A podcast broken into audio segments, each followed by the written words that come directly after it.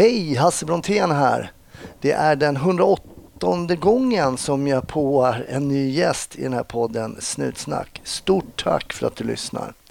Idag heter min gäst Scott och det som är extra intressant med honom är att han har jobbat som polis i Australien och sen skolat om sig till svensk polis.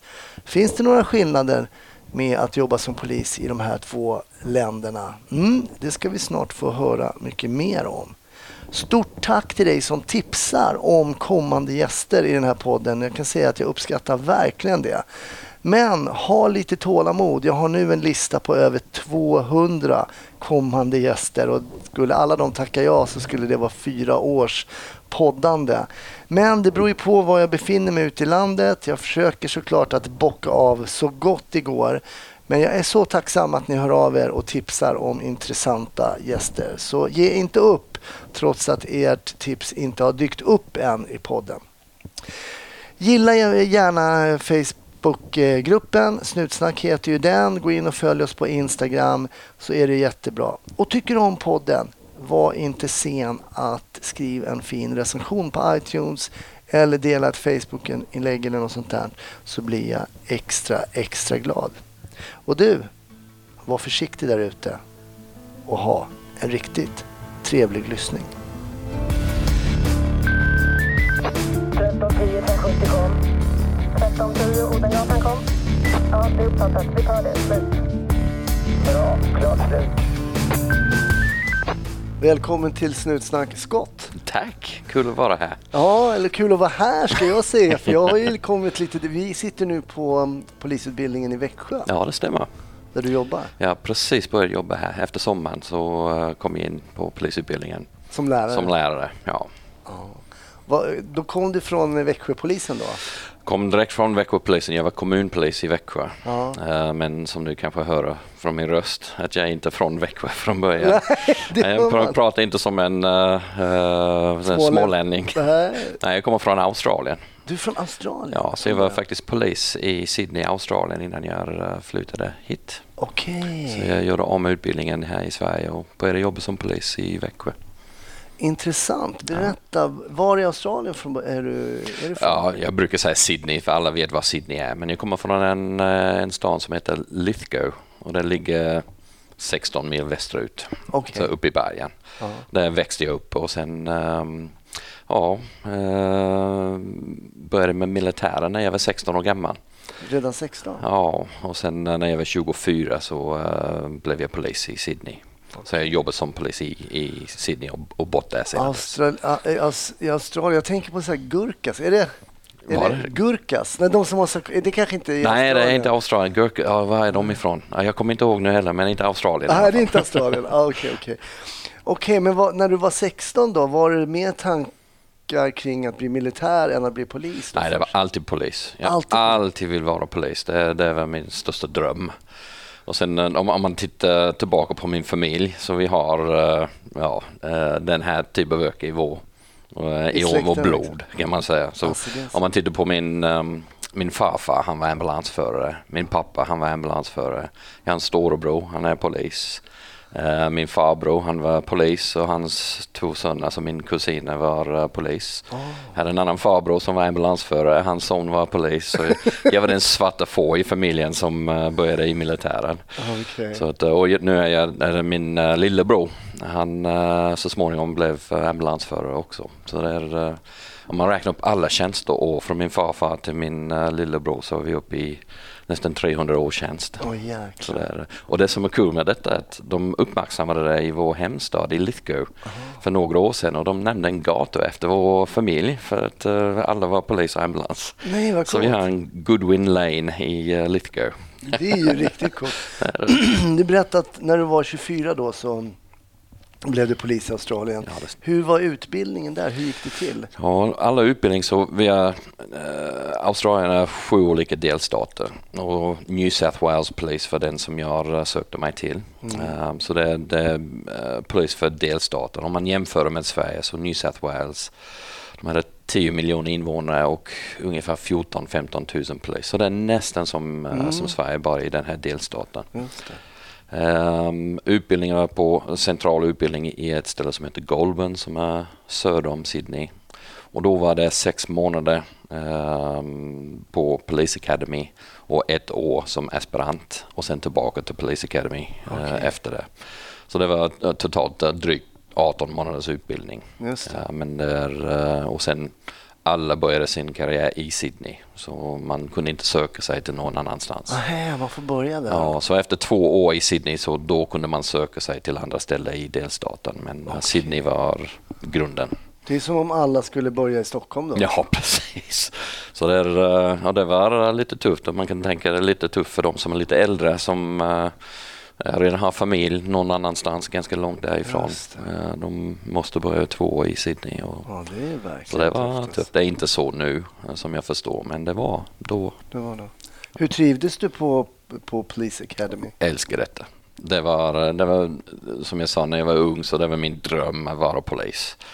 Uh, och sen kommer in i det. Jag kommer ihåg och säkert du gör det också när man sätter uniform på första gången och tittar i spegeln och tittar. Ah, jag har äntligen kommit hit och det är precis så det var Aha, det för var mig. Och, det är, och jag älskar utbildning. Jag, jag började i flottan i militären när jag var 16 och det var så att jag hatade skolan. Jag gillade inte det. Jag var inte jätteduktig på skolan. Jag är mer en praktiker än mm. en, uh, någon som sitter och läser hela tiden. Så, um, och det är därför jag, jag i stort sett hoppade av skolan och började i militären. Mm. Så jag hade inte egentligen när jag sökte mig till polisen hade jag inte betyg. Okay. Jag kom in men eftersom jag hade jobbat, jag hade jobbat sju år i militären um, och nådde viss grad i militären i uh, Australien så de godtog det som um, istället för skolbetyg. Okay. Man kunde göra det på det sättet då. Men då när jag kom in i polisutbildningen plötsligt var det en, ja, det var en praktisk utbildning men det var akademiskt också. Mm. Så att, uh, men då hittade jag min plats. Jag kunde. Jag, jag, jag blev um, ganska duktig på den teoretiska sidan också. Så ja, det kändes som att jag har hittat rätt. Mm. Men då kanske också en liten man hinner mogna lite på sju år. Ja, det stämmer också. Och du hade hunnit bli 24 och kanske läshuvudet hade hunnit ja. ikapp dig lite grann. Ja, precis. Okej, okay, så och de här två åren i Sydney då låter ju spännande. Hur var det att komma som ung eh, polis då i Sydney? Ja, att komma till en storstad. Sydney har fyra miljoner eh, invånare i Sydney, men om man tänker eh, det är samma som Stockholm. Vi har vårt område som vi jobbar i så det är inte som vi jobbar över hela, äh, hela Sydney. Så, äh, det är samma som med jobbet som polis här. Man börjar lära känna området, de um, personer som bor i området, de som busar mycket. Mm. Så det, det, är ingen jättestor skillnad mellan att jobba som polis i Australien och polisen mm. här. Eh, men vi hade att göra väldigt mycket. Det var så. Eh, och det, det, var, vi hade ett väldigt stort heroinproblem i Sydney just då. Eh, och jag, jag kommer ihåg de första sex månaderna som jag jobbade ute. Jag tänkte att ja, vi, vi bara går från inbrott till inbrott till inbrott. Det var vårt vardag. Fem, sex inbrott om dagen. Och jag tänker att alla poliser går på fem, sex inbrott om dagen. Mm. Det är rätt mycket inbrott och det var för att de ska ha pengar till heroin. Ha pengar till heroin. Hur, hur är polisen, en polismans status i, eh, i till exempel i Sydney eller Australien ja. så om man jämför med Sverige? Ja, om, man, om man jämför det så um, den känsla som jag fick från det när man jobbade som polis i Sydney så hade man väldigt hög status. I Sverige så är det inte lika högt. Det är ändå hyfsat hög status i Sverige tycker jag men inte på samma nivå. Man, uh, man hade inte i Sverige det känns som man har inte den här samma pondus som polis. Uh, allmänheten kanske inte lyssnar lika mycket. Det är väldigt, väldigt lätt att klaga på polisen i Sverige. Mm. I Australien det är mer som de lyfter polisen istället för att klaga på dem. Okay. Svårt att förklara men ja. Eh, det, det, är den här känslan som jag hade. Och sen när jag tittar tillbaka till Australien, ja, men jag, jag pratar om nästan 20 år sedan så det har säkert eh, ändrats en hel del mm. sedan dess. Det kan det ha gjort såklart. Jag ja. kan bara gå på hur jag upplevde det ändå. Jag kommer ihåg, jag gick en utbildning hos LAPD eh, 1994 Oj. och då var vi ute, det var den drog som sen blev drogtecken och symptom. Aha. Som jag faktiskt har skrivit tillsammans med en kollega, hela den rikstäckande utbildningen. Oh. Eh, men i alla fall, då var vi på lite praktik med de amerikanska poliserna och det man reagerar på det är ju det här yes sir, no sir. Ja. att liksom man sa stå på linjen och de sa yes sir och man tyckte det var artiga de är. Men sen var väl kanske känslan i övrigt att bemötandet var liknande. Nej. Så. Men vi har ju inte det här yes sir och no, som är, kanske låter trevligt. Jag vet inte om det alltid är det menat så, men de säger ju alltid så i alla fall. Ja, nej, men i Australien, om man tänker även internt inom polisen i Australien, så är vi med Uh, man går efter grad väldigt mycket i Australien. Man, man jobbar upp till en viss grad. Um, och sen om man är till exempel länspolismästare och gammal länspolismästare motsvarande i Australien. Då som, som en polisaspirant skulle inte ens prata, inte ens ha ögonkontakt med någon upp så högt. Mm. Och det är, det är, lite roligt för vi, jag hade, när jag började jobba här i Sydney, nej förlåt i Växjö, mm. det var två poliser från England som har ungefär samma system som i Australien.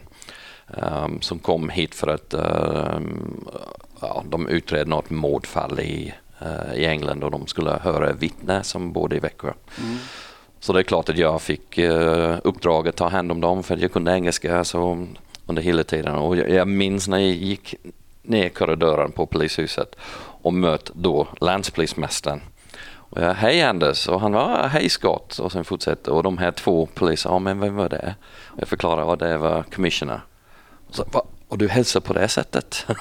så de, de var chockade att i, i Sverige är det lite mer ja, vad kan man säga, uh, inte så hierarkiskt Nej. som det är i de här länderna. Nej. Och det på det sättet det känns bra. Man, kan, man är på ungefär samma nivå när man pratar jobb och sånt. Så mm. det, uh, det är bra. Uh, I Australien är det lite uh, annorlunda uh, internt uh, uppbyggt. Jag fattar. hur, många, hur, hur, många år blev det i Sydney för dig då? Blev det de två åren? Nej, jag, um, ja, jag jobbade hela tiden så jag stannade kvar i ja, Sydney. Jag jobbade där, jag bodde där då så jag stannade kvar i Sydney. Um, och jag ville inte flytta någon annanstans heller för jag tyckte det var så spännande. Så mm. det, var, um, det var bra. Så jag jobbade från, ska vi se, 96 till egentligen uh, lämnade polisen i Sydney i november 2000 och det var samma dag som jag um, flyttade till Sverige. Hur kommer det sig då att du flyttar till Sverige? Ja, vet du om du kommer ihåg 1999 så hade de World Police and Fire Games mm. i, uh, i Stockholm. Ja, jag så var med. Du var med? Jag spelade faktiskt i Sveriges basketlag. Du gjorde det? Ja. ja jag mötte inte dig då för jag spelade tennis. Ja, okay. Och uh, ja, vi var här de här uh, fem dagarna och sen jag, jag träffade min uh, fru uh, tre timmar innan jag skulle flyga hem igen. Nej. Jag bara i uh, Gamla stan. Är det sant? Ja, så vi bara bytte e-mailadress och drack en öl ihop och sen, ja, den blev som det blev. Och sen började ni mejla då? Vi bara mejlade varandra och sen hon åkte till Australien på semester och det, det bara klickade. Så vi tänkte att, äh, och just då äh, var jag i full Uh, uppdraget, uh, jag var i planeringsgruppen för OS i Sydney 2000. Okay.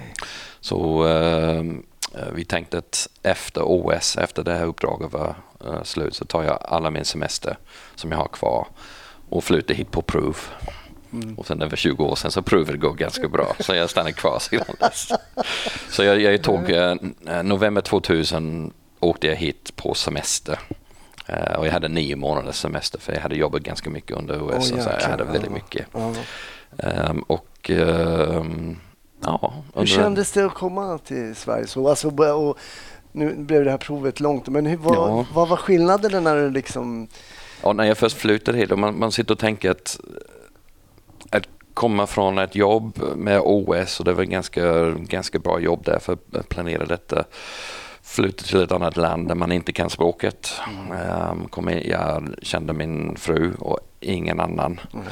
Um, ja, och den för, man kan säga den för, första året jag var här så var det var som en semester. Det kändes som behövde inte prata engelska, svenska och mm. kunde, jag träffade min, min frus kompisar och sen blev bra, bra kompisar också. Men redan från dag ett var det målet att jag vill bli polis i Sverige.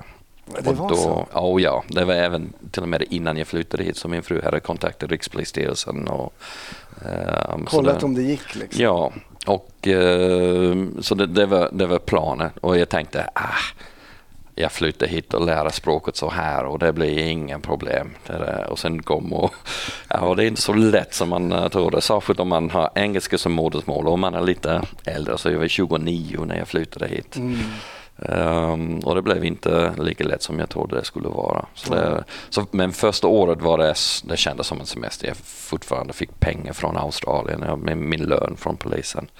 Och sen när den tog slut och sen jag började titta, oj nu måste jag verkligen ta tag i det här. Mm. Och så år två och tre var den mest ensamma år som jag någonsin haft. Alltså. För jag ville inte prata engelska med uh, dem och sen jag började spela rugby här i, i Växjö, det var en rugbylag, så jag började skaffa mina egna kompisar och, och jag vill inte att de pratar engelska med mig, jag vill prata svenska. Mm. Men man kommer inte in riktigt uh, man sitter och de skrattar och tar en öl och skrattar. Och, ja. Nej, det funkar det inte. Så det var väldigt, väldigt tufft. Mm. Och under tiden så hade jag kontakt med både Rikspolisstyrelsen och polisutbildning hade öppnat här i Växjö. Mm. Så uh, Betty Rodin heter hon här från uh, Växjö som var prefekt för polisutbildningen. Vi hade ganska tajt kontakt uh, och till slut så, jag tror de var så trött på mig att jag ringde varje vecka. Kan ni komma in nu? Kan ni komma in nu? till slut de kanske bara sagt, ah, men låt honom komma in, han kommer inte klara det och sen blev vi av med honom. Ja, men jag kom och läste här på polisutbildningen i Växjö och gjorde en liten speciell program. Så det var, jag läste heltid men bara två terminer. Okay. hur, var det, hur var det då? Tufft. Vad tufft? Väldigt tufft. Ja, den praktiska sidan var inte tufft alls. Jag, men jag kunde göra mitt jobb, så jag visste hur man jobbade som polis. Mm. Men att göra den teoretiska sidan var... Jag kommer ihåg, en av de mest stolta tiderna i mitt liv var när jag kom ut från jurid, äh, äh, juridiktentan. Och det var en fem timmars juridiktenta på svenska. Jag ringde direkt till min eh, kompis i Australien och sa, kan du gissa vad jag har precis gjort? Och de fattade inte att man kunde, ja, ja det kunde ta. Så, men det var rätt, uh, rätt cool. Men jag var rätt stolt när jag klarade det, för det var inte, inte lätt. Ja, jag och det tog väldigt mycket. Och just runt den här tiden också fick vi vår första barn. Så det, vi hade småbarn hemma och ja. spädbarn hemma. Och, ja, det är tufft.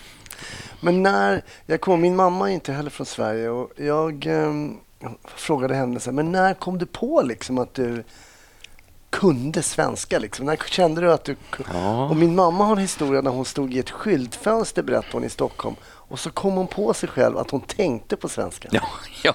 och, det, det blir lite så. Jag, jag jag hade tänkt att det blir som en, eh, en kurv som går upp konstant, men mm. det var inte på det sättet alls. Mm. Det var mer som ett trappsteg. Så man nådde en nivån och man tänker att nu är jag på gång. Men då dalade det av lite och men fan jag lär mig ingenting. Mm. Och sen plötsligt några månader senare så ja, man förklarar lite mer och kan förstå lite mer. Och. Så det var mycket att titta på tv med eh, ljudet av och läsa texten. Det var mycket ja. läsning av tidningar och det var, det. det. var på det sättet. Men det var inte alls en um, jämn utveckling. Det var ett trappsteg för mig. Ja.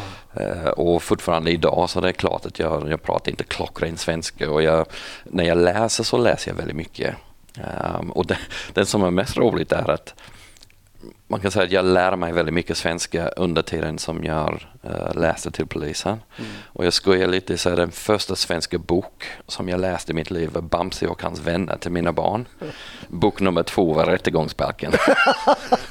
det är tufft ja, ja, det är en ganska stor trappsteg. Ja, Men jag kan till och med idag gå till någon järnhandel och han vill söka efter en speciell verktyg som jag vet vad det kallas på engelska. Men jag hittar inte det på svenska. Men jag kan förklara för någon vad rättegångsbalken eh, betyder och hur man ingriper. Och, så jag kan förklara polisiärt och fackspråket vet jag. Ja. Men uh, det, är lite pinsamt ibland. Man går in och man tar upp en bild av verktyget man vill ha och visar dem istället för att säga vad den är. Ja, ja. Det, är inte, det är inte alla svenskar ja. som kan namn på alla verktyg heller. Så att. Men du som då har haft förmånen att jobba som polis i två länder. Mm. Vad skulle du lagtekniskt sett, vad, vad, vad, kan vi se för skillnader mellan Australien och Sverige rent lagtekniskt i ett man säger, praktiskt polisarbete? Ja, vi, um, polisen i Australien har mycket mer laga befogenheter än vad vi har här i Sverige. Okay. Polis i Australien får, får ja, vi har helt annat rättssystem också så det är lite som England man, eller USA så det är första gången uh, man kommer till tingsrätten uh, man, man säger guilty eller not guilty. Um, I Sverige har vi inte det här systemet mm. men uh, ute på gatan om man, om man ska uh, visitera någon. Det är ingen annan än den ingripande polisen fattar ett beslut. Om man ska gripa någon, det är ingen annan än uh, um, enskild polis. Uh, och det, det är fördelar och nackdelar med det. Um, fördelen tror jag är att, att den polis måste verkligen ha grund för att göra allt som han gör. Jag säger inte att det är inte så i Sverige men uh, man kan inte luta sig tillbaka och säga att ja, men någon annan beslutade, jag bara gjorde det. Just det. Um, så, och sen om man gör fel så är det bara dig själv som, uh, som, som man måste ha väldigt, väldigt bra grund att göra ett ingripande. Mm. Och, um, och sen även, även um, om det kommer till åtalsfrågan så det är polisen som ingriper som bestämmer om de ska um, driva ett åtal eller inte. Mm. Så det går till första tingsrättens dag. Och sen den polis som ingriper, till, jag kan dra en exempel. Um, om vi åkte till eh, ett inbrott som vi pratade om innan mm. Mm. och um, det fanns fingeravtryck att ta. Uh, så vi gör vårt jobb på plats uh, och sen åker vi in och skriver anmälan och för oss är det glömt. Okay. Men om de här fingeravtryck kommer tillbaka och de identifierar någon hela caset skickas tillbaka till den polis som var på plats och säger nu ska du utreda detta. Oj. Så det, det, så det, det är mycket mer personligt ansvar inom polisen. Ja, i, uh, så man är ju också då verkligen utredare?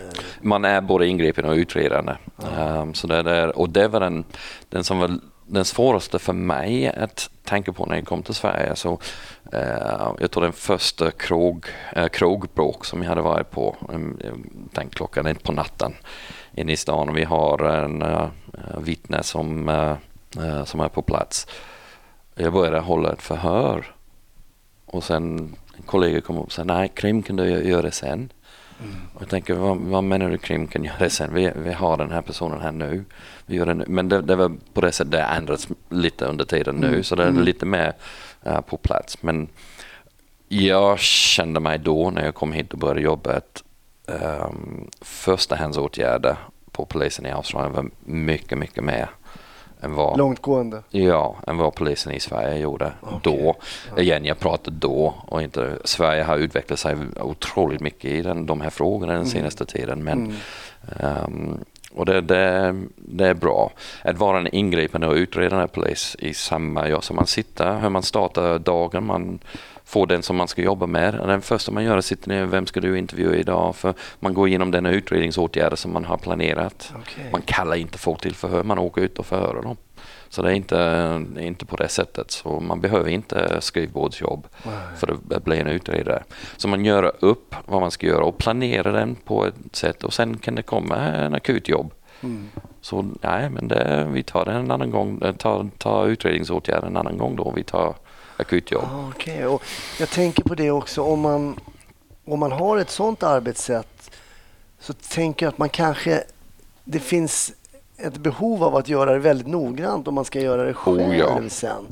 För det kan jag komma ihåg att det har funnits en tendens, precis som du säger, men det där tar krim sen. Mm. Och när man hela tiden, om man har det tank, utan att man menar att, eller tror att det ska bli sämre, så finns det en ett glapp där ju. Ja, det är det. det. blir ett glapp. Men man kan tänka varje gång man lägger över ett ärende till någon annan så jag som ingripande polis lägger över det till krim.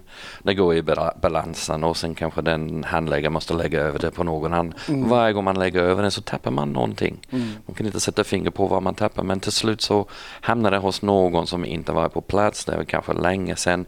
Eh, brottsoffret kanske inte har den här kontakt. Eh, I Australien så är man för varje jobb som man hade inom sju dagar så hade man ett krav. Man kunde inte avsluta din anmälan eh, om du inte inom sju dagar har ringt till brottsoffret och frågat hur mår du? Är det bra? Är det någonting mer? Som, så ge den här direktkontakt oh, tillbaka. Ja, det låter ju väldigt så det, sunt. Det, det, och, det är, och det var det. Det kändes så. Men här kanske vi kan göra mycket mer för brottsoffret som, som vi gör idag. Jag, jag vet också att de tittar väldigt mycket på hur vi hanterar brottsoffer också. Så mm. det, det, låter här som jag säger att ja, det är kass här i Sverige, men det är det absolut inte. Nej, men jag förstår. Och, men det finns ju alltid, och det finns ju säkert så, saker i Australien som också går att förbättra. Så det, det ska man ju sträva mot hela ja. tiden. Och, och lite som det har varit i Sverige så har det ju varit mycket, rent generellt i samhällsdebatten också, att det har varit mycket gärningsfokus på gärningsmannen och eh, till och med före detta rikspolischefen sa ja, vad har den här personen varit med om som har gjort de här sakerna? Och man har kanske inte riktat fokus lika mycket på, på brottsoffer. Och det är väl någonting som håller på att förändras. Men jag tänker i Sverige har vi också som eh, polisman så kan man också fatta beslut i någonting som heter fara i dröjsmål. Ja. Till exempel kan en polisman själv fatta beslut om en husrannsakan eller en visitation av en person. Finns det något liknande i Australien? Ja, eftersom vi alla har den här eh, befogenheten att fatta beslut ändå. Så, ja, allt, så, ni har redan det? Vi har redan det. Så ja. om man gör det i fara i dröjsmål eller inte, det spelar ingen roll. Nej. För att det, det, beslutet är på den här individen som fattar beslutet. Så vi ringer aldrig till en uh, inre befäl eller åklagare eller något. Nej, de, de är inte i spelet. Nej. Så åklagaren um, är den som, när vi har kommit tillbaka och vi har um, skrivit anmälan och intervjuat och gjort allt. Uh, och vi, vi bestämmer, ja vi charge den, vi ska charge den personen. Mm. Så det, vi gör det och vi gör en, um, en ganska enkel uh, protokoll Mm. Den skickas till åklagaren. Så när de tar den till tingsrätten två veckor efter man har gripit så inom två veckor står du framför en domare Oj. och bara säger ja guilty och not guilty. Om de säger guilty, om de erkänner så får de straffet direkt. Det är ingen mer utredningsåtgärd i det. Okay. Men om de säger nej, jag säger not guilty. Så då åklagaren tar allt detta, skickar det tillbaka till ingripande polisen och säger han har sagt att han är not guilty. Nu ska du utreda. Så det, det, är lite på det. Men på det sättet så man kan Intressant, säga att alltså. ja, det är, det är ett annat sätt att göra det. Men det, det är rättssystemet som England och Australien har. Just um, och det gör så att ja, det är inte, inte så jättemånga fall man måste utreda för de flesta säger okej, okay, ja, jag är skyldig, jag tar mitt straff nu. Okay. I, I, enklare fall kan man säga. Men om det är mål eller något så är det klart att det är en fullständig utredning innan. Ja, ja, Men äh, gärningsmannen kan ändå säga ja, jag, jag är skyldig. Jag vill ha mitt straff direkt. Men skulle det vara så att även om du kommer ut på ett mord Ja. Tar du det caset också? Då? Nej, och det var vi kom med detectives in i ah, detta. Okay. Så vi har inte en krimavdelning, men vi har detectives. Uh, om man tänker, jag jämför lite med Växjö och den polisstation som jag hade ungefär samma eh, storlek och, och samma antal polis hade vi max 10 detectives. Okay. Um, ehm, så det var ingen, ingen utredare eller utredningsavdelning överhuvudtaget. Så om det var mord, um, våldtäkt eller komplicerade fall som uh, bedrägeri eller något som, som krävdes lite, eller inte bara lite, ganska mycket utredning. Mm det kunde man lyfta upp den till detectives. Men det var upp till dem om de vill ta det eller inte. De klart att ta mord och våldtäkt och det. Men jag som en aspirant um, var handläggare utredare för uh, knivrån på tunnelbanan. Mm. Så det, på den nivån så allt upp till beväpnat rån är den ingripande polis ansvarig för utredning. Just det.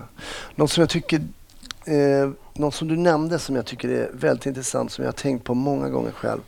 Det är det här i Sverige, det här jäkla kallat folk till förhör. Folk kommer inte. Nej, det är, vilken tidsspill. Det, det är sån tidsspilla. Alltså det är ju år av tjänst som slängs bara i sjön. Ja. Och det borde vara förbjudet att sitta och kalla folk till förhör. Som du säger, åk ut och förhör folk. Ja. Säg så här, imorgon kommer jag och eh, jag hämtar dig på jobbet eller liksom, den och den tiden kommer jag komma ut. Och det gjorde vi sen när vi jobbade med, vi jobbade, jag jobbade på något som heter Rave-kommissionen under en tid. Men vi åkte ut till folk hela tiden. Ja. Och sen kom de där med sina polare. Kanske det blev så att man var tvungen att visitera polaren som visade sig också hade knark på sig. Någonting. Det gav också positiva synergieffekter att åka Absolut. ut till folk också. Så det tycker jag svensk polis borde verkligen tänka man, man kan sitta, är, är det vår organisation som gör det eller är det vår kultur som gör det? Är det för att vi är så van? Att, är det utredare som gör det och kallar till förhör?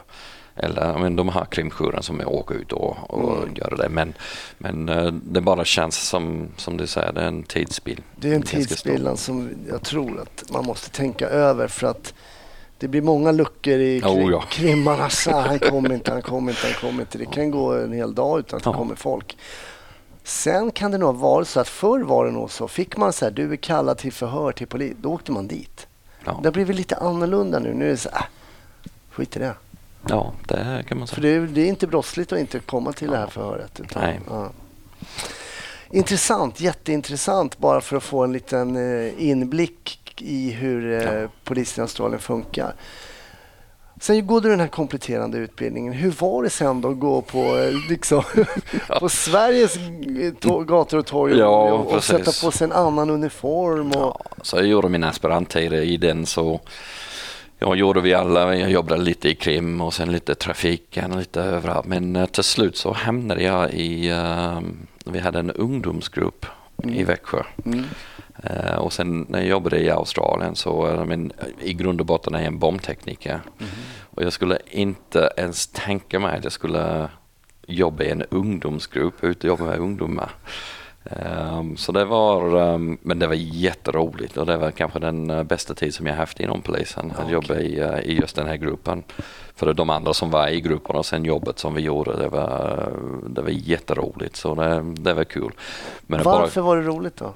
Ja, man, man under den här tiden så jobbade vi väldigt uh, stenhårt med ungdom och alkohol. Det är klart att narkotika är någonting som man fokuserar på också men vi såg att Uh, problemet som vi hade här i Växjö i alla fall, det var ungdom och alkohol och det leder till, ja, du vet allt som uh, misshandel, skadegörelse, sexuell brott och allt som uh, vi bestämde oss att sätta stopp på det. Mm. Så vi började jobba uh, med någonting som senare inte har varit men blev kallat för Kronobergsmodellen.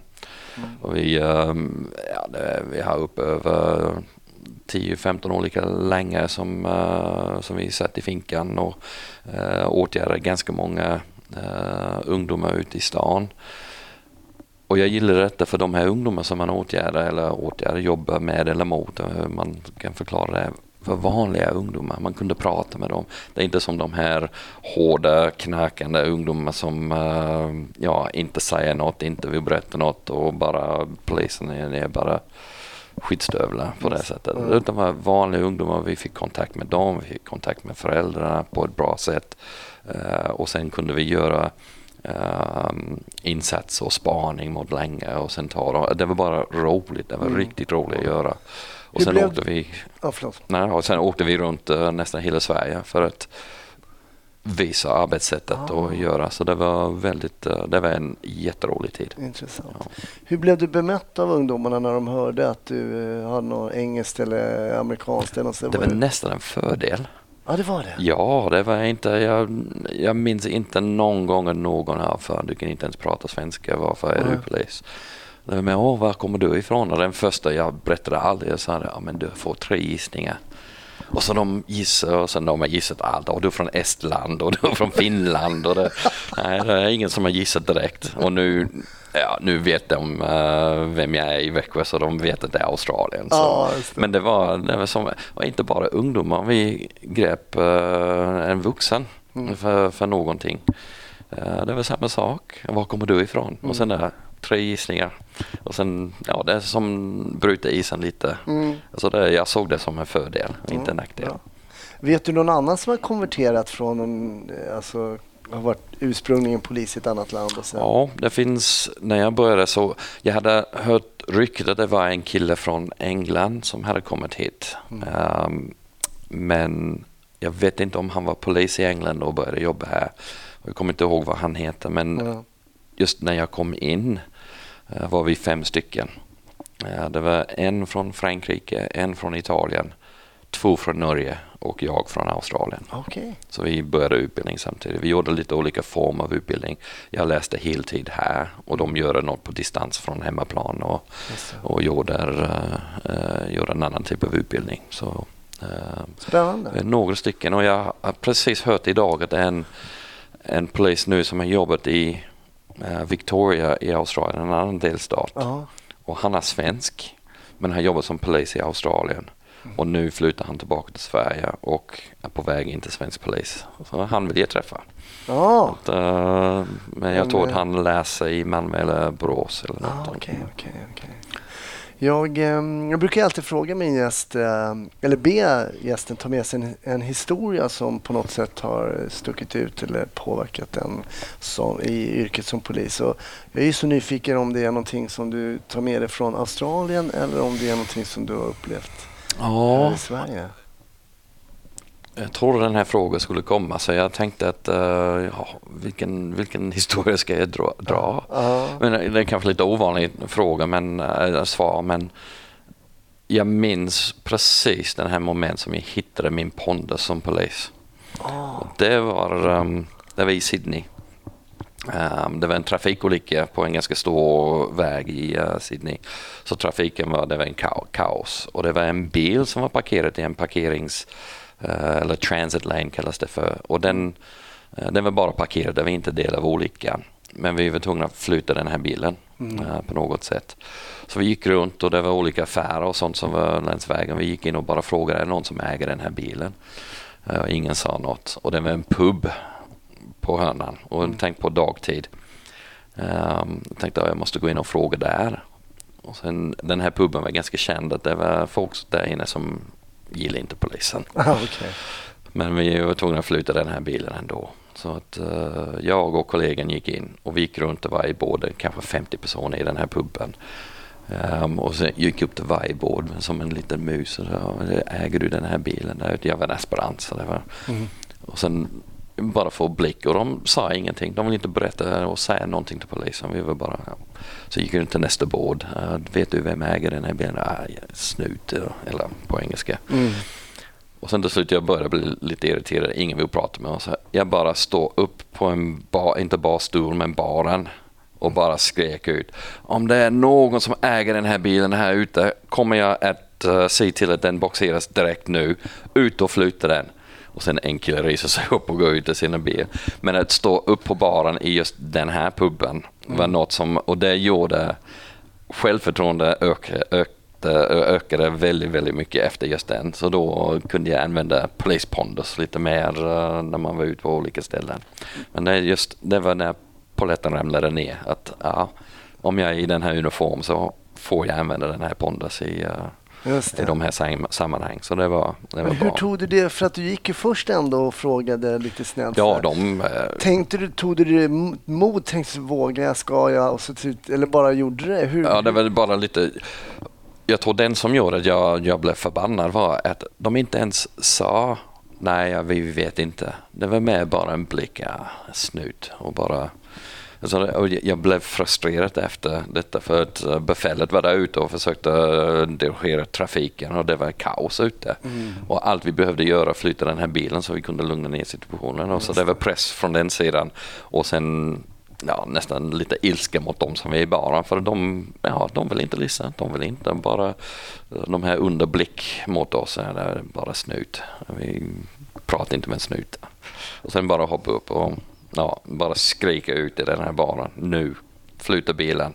Och sen en reser sig och går ut. Och Hur kändes det då när han reste sig och gick och flyttade? Ja, det var en lättnad för att eh, ja, jag var en aspirant och jag eh, var inte van i de här situationerna heller. Så, mm. Men det var, det var kul på något sätt för att ja, jag har löst problemet för befälet som var där ute så jag mm. ja, en liten klapp på ryggen sen för detta så det var bra. Jag, men uh, att kunna se att ja, man kan även om det är obehagligt så kan man, eh, om man vet vad man ska Men, säga och göra. Har, skulle du säga att man har lite liksom skydd av sin uniform där? Och kan oh liksom, ja. ja. Och som, så är det inom polisen. Om man har uniform på så ja, det ger lite mer pondus, mm. tycker jag i alla fall. Mm. Um, så det är klart och det är det är kanske därför vi har uniform. Mm. För folk ska se att uh, ja, den här personen här, det han eller hon säger uh, mm. ska vara rätt. Det... Hur skulle du säga bemötandet, alltså om, vi, om, vi, om vi pratar om uh, mötet med kriminella och sådär. Hur skulle du säga att det är någon skillnad där? Ja. Australien kontra Sverige? Eller kan ja, du se någon skillnad? För den, den, som jag, den historia som jag drog nu, så det, det jag beskrev, de vill inte ens titta på oss. Men, men i den stora drag som vi pratade om tidigare, ett, ett bemötande eller respekt för polisen är lite högre i Australien mm. vad, det, vad det är här. Så det är väl lite ovanlig uh, situation uh, just det hände. Men man möter, du vet det också, det beror mycket på vilken typ av person den polis är också. Mm, man, man kan styra det väldigt mycket själv hur man vill ha en bemötande. Mm. Um, så om man, om man är en skyddsstövel och är ute och bara skäller på folk för att, de, uh, för att man kan, mm. då kommer du inte få någon bra bemötande överhuvudtaget, Nej. oavsett vilket land du jobbar i. Nej, så om man har uh, en ja, hyfsat stor del av empati när man pratar med folk så kan man styra de här. Mm. Och det, du vet den väl. Absolut. Att, uh, alltså där, uh, och det var jag alltid, ja, men, totalt nu har jag varit polis i nästan 23 år. Det lär man inte här i den här miljön på polisutbildningen. Man måste Ut ha lite erfarenhet. Ja, och, träffa människor. Ja. Och, ja, precis. Det är det som är intressant när man kommer ut och jag kommer ihåg när jag började som polis. Jag var väldigt ung och jag var väldigt smal och såg ung, yngre ut än vad jag var och sådär. Jag märkte att, det, um, att folk såg det på mig. Någon gång sa ah, men dra tillbaks till gymnasiet eller du vet, så sa de till mig någon gång. Jag tänkte fasen. Men um, jag jobbade fram en, eh, ett sätt att jobba som till slut jag märkte funkade. Men det tog, tog ett tag att hitta. Mm. Och, uh, jag kommer ihåg också att jag hade en, ett ganska enkelt ärende med en stor, eh, stark kollega eh, som hade jobbat många fler år än vad jag. Men där då personen i fråga vände sig mer mot mig.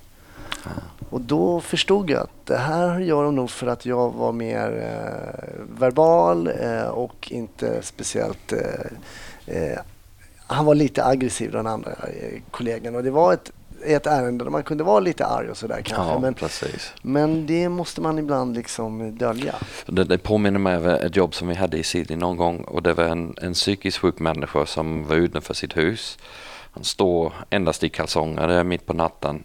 Och till slut så var vi, jag tror vi var sju stycken manliga polis som var kring honom och försökte jag menar alla var tuffa tuff polis som, nej du ska lägga dig ner och du ska, och han vill inte ge upp. Han vill inte, han var redo för att fightas. Sen hade vi en, eh, en kvinnlig kollega som kom in och steppade mitt emellan och sa vill du komma med mig istället? Han lugnade sig ner direkt. Han vill ha en out på något sätt. Han vill ha ett sätt att ge sig. Lösa, lösa men han kan inte ge sig till de här sju tuffa killar som står kring honom och skäller på honom. Mm. Men någon kom in och pratade med honom på rätt sätt. Mm. Han bara la sig direkt. Och det, en, en annan polett gick ner på mig eh, just det här fallet att nej, vi är sju hyfsat stora och starka poliser och vi kunde inte lösa det här problemet utan våld. En person kom in och det spelar ingen roll om hon var en kvinna eller en, en kille men en annan person kom in och gjorde, eh, pratade med honom på ett helt annat sätt och gav honom, öppnade den här dörren för honom och sa att ja, jag kan gå med dig utan att uh, bråka. Mm. Och det är, ja, men man lär sig mycket av att se hur andra poliser jobbar också. Och sen om, en, om man har en dålig polis, jag lär mig mycket av det också. För oh, ja. Hur många gånger har du här, sett någon och sagt att jag kommer aldrig vara som den här? Många gånger faktiskt. Ja, och det, och så man, om man kan se den, identifiera den, ta det till sig så man blir en bättre polis av det. Mm. Och, det är, eh, och det är vad jag försökte göra i hela min karriär. Jag försöker lära mig av inte bara bra polis men dåliga polis också. Mm. Så om man kan undvika det så är det mm. det bästa. Ja, vi har pratat om det i podden in just det här bemötandet, hur viktigt det är och att när man, jag tror det var gästen Erik som berättade att vad, som, vad än personerna har gjort och så möter de polisen begripna till exempel så ska de inte kunna säga visst jag, var, jag gjorde fel men de hånade mig, de förnedrade mig. Man ska gå där med flaggan i topp och vi ska inte bjuda på att bete oss på det sättet Nej. som poliser. Vi bjuder inte på det utan vi ska vara schyssta och det ska de inte kunna klanka ner på. Precis, jag pratade med en kollega i, eh, jag tror det är Göteborg. Um, han sa att ja, man kan man kan vara ute och det kan bli väldigt, väldigt tufft och man gör hårt ingripande och sen de kan hata dig.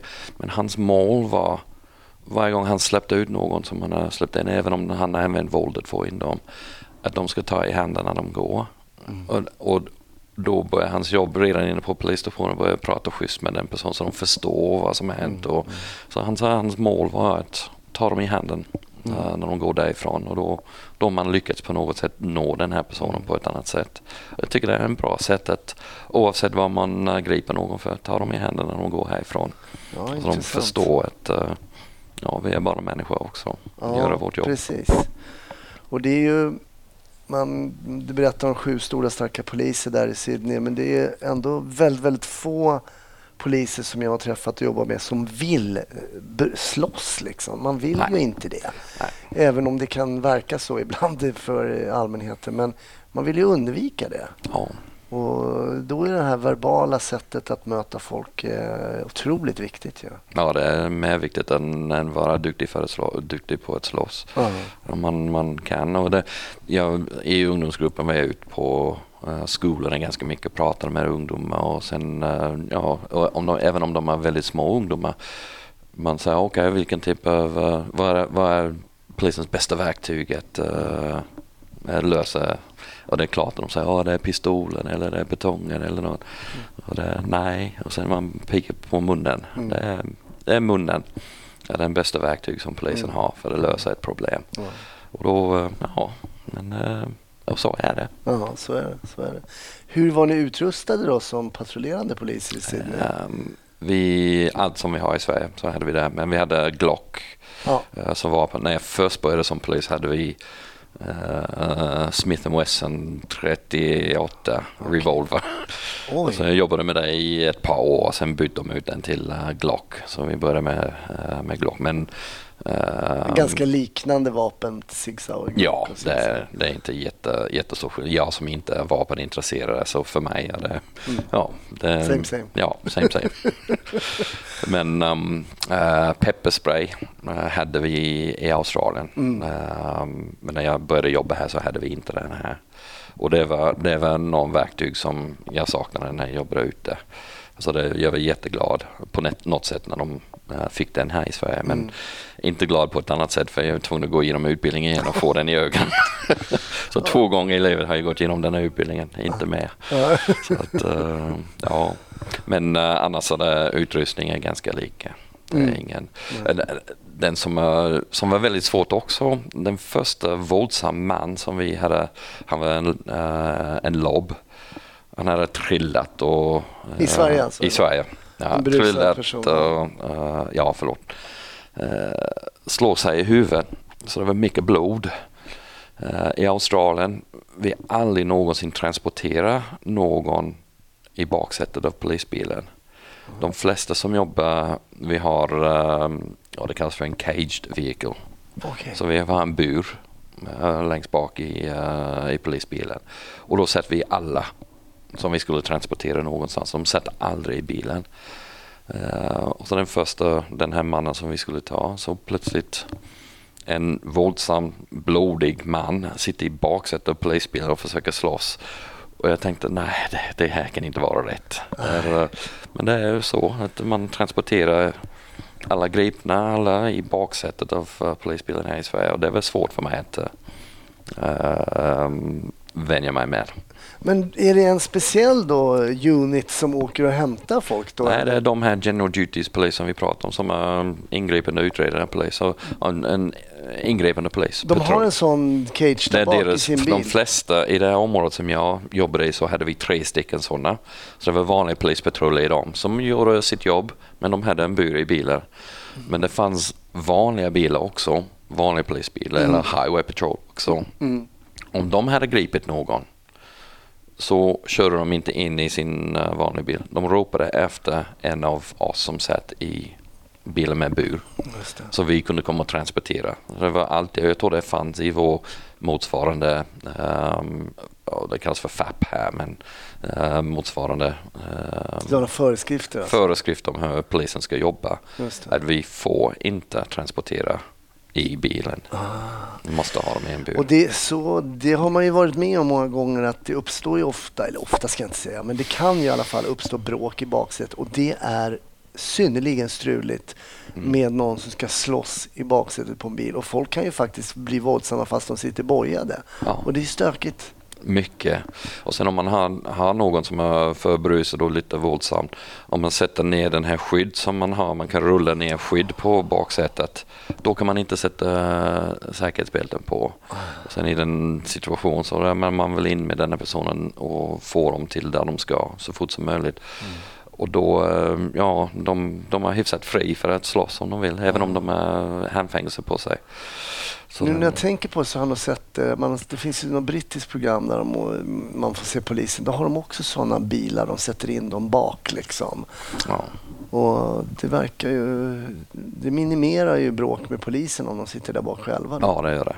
Verkligen. Så det, är, eh, det var bra.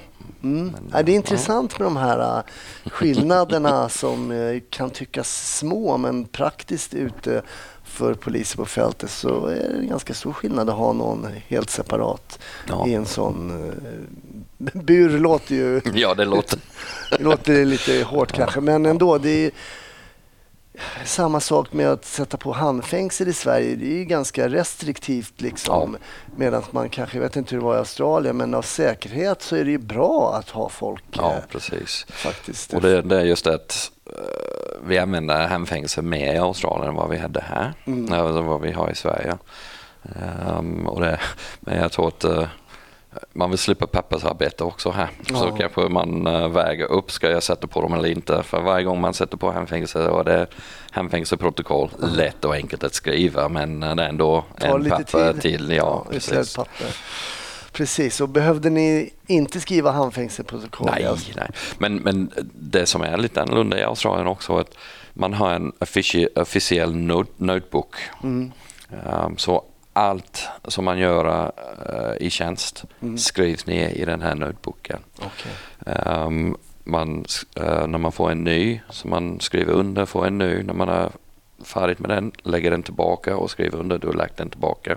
Mm. Så någon kan fråga mig, ja, vad gjorde du den 22 oktober okay. uh, 1900 98. En, en logg helt enkelt. Ja, men jag kan ta upp den och jag vet precis vem jag har pratat med. Till och med förhör finns i den här notebooken. Mm. Så allt, vem jag har jobbat med, vilken bil jag jobbade i. Så den, den här logg är väldigt, och man får inte lämna ett rad fri.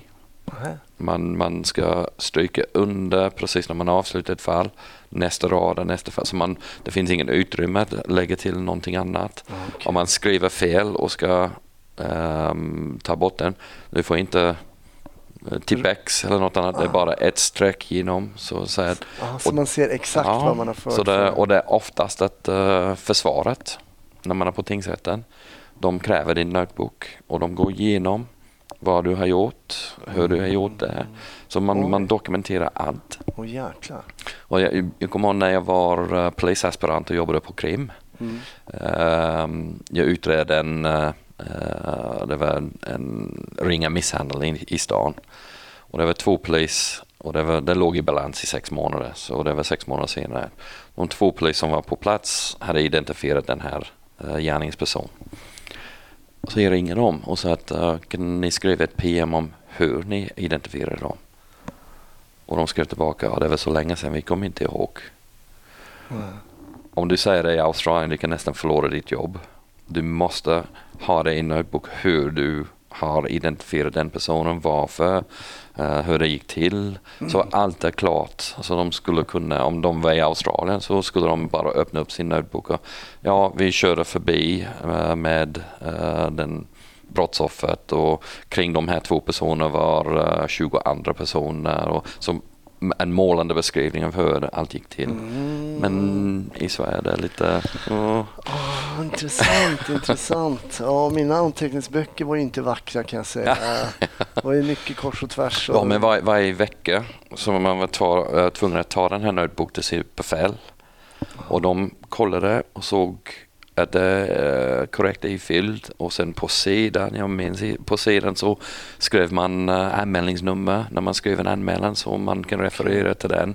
Och sen de gick, you know, en, en polisassistent eh, uh, i Australien får endast skriva med svart bläck. En sergeant, så en inspektör motsats i Sverige, får endast skriva med en blå en, um, uh, när man kommer lite högre upp, inspektor i Australien som är uh, som kommissarie här i Sverige mm. får endast skriva med röd. Så även i din notebook, du vet vilken, vilken uh, nivån av personer som har kollat vilken på din notebook. Alltså. Ja. Så det är, um, ja, det är lite mer hierarkiskt ah, i Australien. Och, så, och sen den um, rikspolischefen, jag tror han hade en uh, Guldpenna. Lila eller något. Han var den enda som fick skriva med en... en uh, så det, Speciellt. det är lite, lite roligt. Ja, det är lite roligt. Och så en bricka till exempel. Om jag alltså badge, skulle visa liksom. min badge så uh, en ljusblå bakgrund. Så brickan eller badge uh, låg på en plastbakgrund. Om det är ljusblå så alla utan att kunna läsa det någonstans visste att jag var en uh, um, polisassistent. Okay. Eller en, um, när, när jag kom upp till sergeants-nivån så de bytte ut bakgrunden till min bricka. Så det är samma bricka, samma badge, men då var det mörkblå. Mm. Så när jag visade den så alla kunde se att han är en sergeant.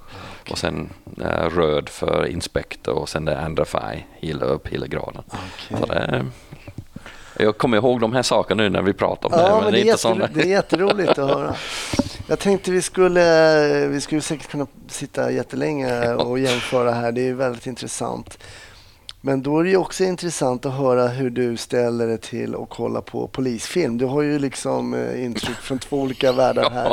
Hur, ja. hur, hur, är det när du kollar på polisfilmer? Ja, det är, serie är den som jag kollar på mest kan ja, man säga. Ja själva film, uh, jag vet inte. Men det finns två i Australien som jag tittar på och tittade på väldigt mycket. Mm. Det är en som kallas för Water Rats. Water Rats? Water Rats och det är um, sjöpolis i Sydney.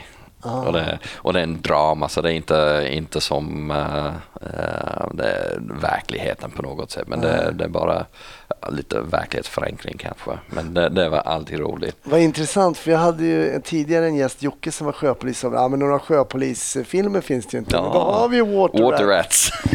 Då hör du Jocke om du lyssnar. Ja. finns den eh, på någon sån här... Jag, jag, har inte kollat om det finns här i Sverige mm. eller om det kanske finns på Youtube eller något. Jag vet inte. Nej. Men Water Rats och sen den andra som var min favoritprogram när jag var eh, i Australien var eh, Blue Healers. Och det är som en um, polis i en små stad ute på landsbygden i Victoria, så söderut. Och den, uh, ja, det var kul att... Uh, Blue... Blue Healers. Healers. H-I-E-L-E-A-S. Healers. Vad, vad, vad, betyder det? Uh, Blue Healer är egentligen en hund. Ah, okay.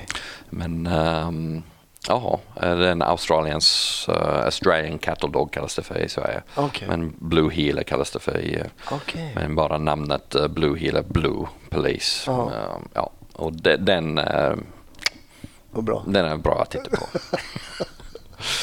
Härligt. Då ska vi runda av. Vad har du i fickan? Har du något i fickan eller har du allt du har i fickan på bordet? Eller? Ja, jag har... Uh... oh, australiensaren har blivit svensk. Ja, jag, jag, jag, skulle inte visa det för det, för jag har sagt till min fru att jag har slutat. så hon får inte lyssna Nej, hon får absolut inte lyssna på det. Ja. ja. Det var det enda du hade? Det var det enda som jag hade. Jag lämnade allt annat i Och sen har du kontoret. din plånbok och mobil på... Två mobil som vanlig ja, polis. Ja. Precis ja. ja. Scott, eh, vad roligt det var att få snacka med dig och få höra om den här konverteringen liksom från polis i Australien till Sverige och höra lite skillnader och dina tankar kring det. Ja, det kul. Eh, stort tack för att du ville vara gäst ja, Tack för att du kom. Tack.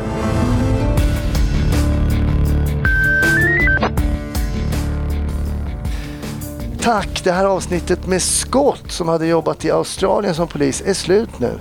Men eh, det är ju bara en vecka till nästa avsnitt så håll ut. Följ oss på Instagram och Facebook så hörs vi nästa vecka hoppas jag. Ha en jättebra vecka. Hej då!